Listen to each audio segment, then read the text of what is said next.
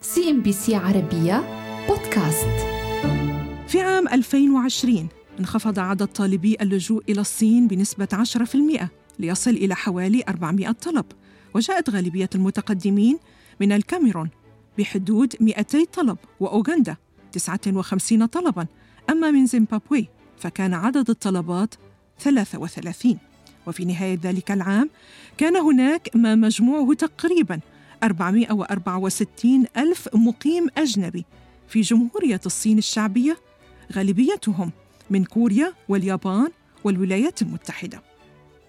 وفي مارس من العام 2021 أدخلت بكين متطلبات مخففة لطلبات تصاريح العمل في شانغهاي مع التركيز على المهن العلمية والتكنولوجية. ومن ضمن الاشتراطات أن تكون الخبرة العملية أكثر من عامين وألا يزيد عمر المتقدم عن 60 عاماً.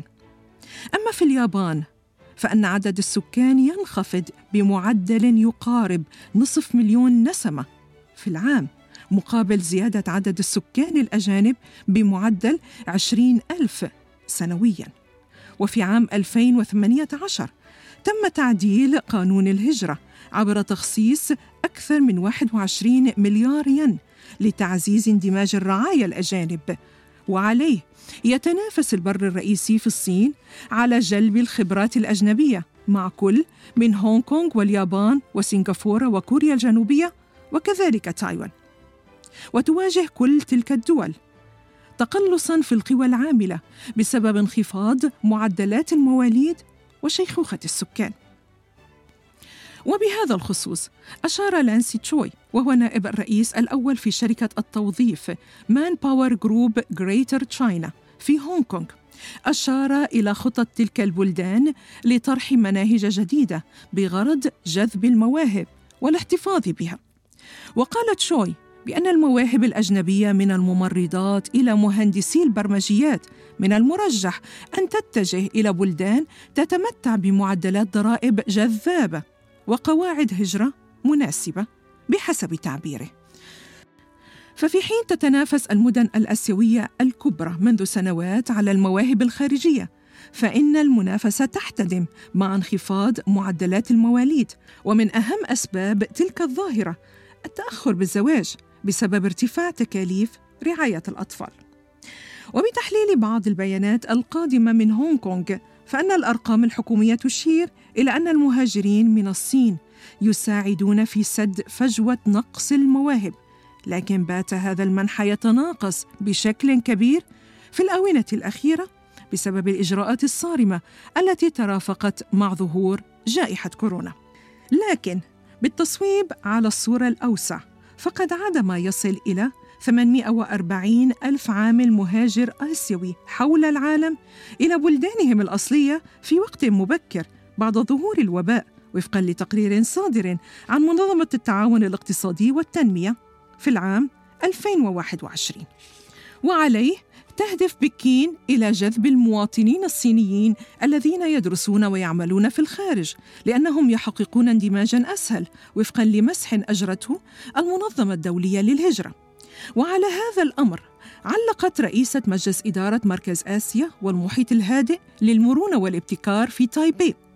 على الصعوبات في المجالات الثقافية والاجتماعية وكذلك الاقتصادية التي يمكن أن تنشأ إذا لم يتمكن العمال الأجانب من أن يصبحوا جزءا من المجتمع. لكنها أضافت أنه في حال الاعتماد المفرط على استيراد العمالة فإن ذلك يهدد برد فعل عنيف من المجتمعات المحلية خاصة في العديد من البلدان الآسيوية التي لم تتبنى ثقافة الهجرة. بشكل كبير. ومن ضمن خطط التسابق لجلب المواهب قال جون لي الرئيس التنفيذي لهونغ كونغ في خطابه الأول أمام البرلمان قال بأن المدينة ستمنح أصحاب الدخول المرتفعة الذين تقاضوا على الأقل أكثر من 318 ألف دولار أمريكي في العام 2021 تأشيرة عمل لمدة عامين. وكذلك الحال بالنسبة لخريجي الجامعات الأعلى تصنيفاً. كما ستعلق المدينة الحصة السنوية لبرنامجها الحالي للمواهب الماهرة وتمدد حد الإقامة للخريجين غير المواطنين من عام إلى عامين. وفي ذات الإطار أعلنت سنغافورة في أغسطس من العام 2022 عن تأشيرات عمل طويلة الأجل تستهدف الأجانب الذين يبلغ دخلهم أكثر من 250 ألف دولار أمريكي سنوياً. وبالعودة لهونغ كونغ التي أعلنت عن انخفاض عدد الموظفين المحليين بنحو 140 ألف موظف في العام 2021 كما أجبرت مدارس الجزيرة على خفض 67 فصلاً من المرحلة الابتدائية وسط استمرار انخفاض عدد الطلاب بسبب تداعيات وباء كورونا وأيضاً لأسباب أخرى وفي حين أن الفصل النموذجي يضم عادة 30 طالباً فأن حوالي 80% من 422 مدرسة في هونغ كونغ قد انضمت إلى نظام تعليمي طوعي يسمح بخفض هذا العدد إلى 25 تلميذاً.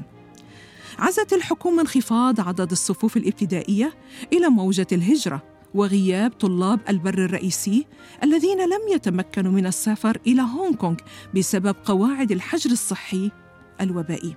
كما أن معدل المواليد في تلك المدينة عند أدنى مستوياته منذ 24 عاما أما بالنسبة للخصوصية التي باتت تتمتع بها تلك الجزيرة فقد عرضت العديد من البلدان الغربية بما في ذلك بريطانيا وكندا وكذلك أستراليا عرضت برامج تسهيلات كبيرة لاستقطاب سكان هونغ كونغ ردا على قيام بكين بفرض قانون الأمن القومي على المدينة في العام 2020 CNBC عربية بودكاست.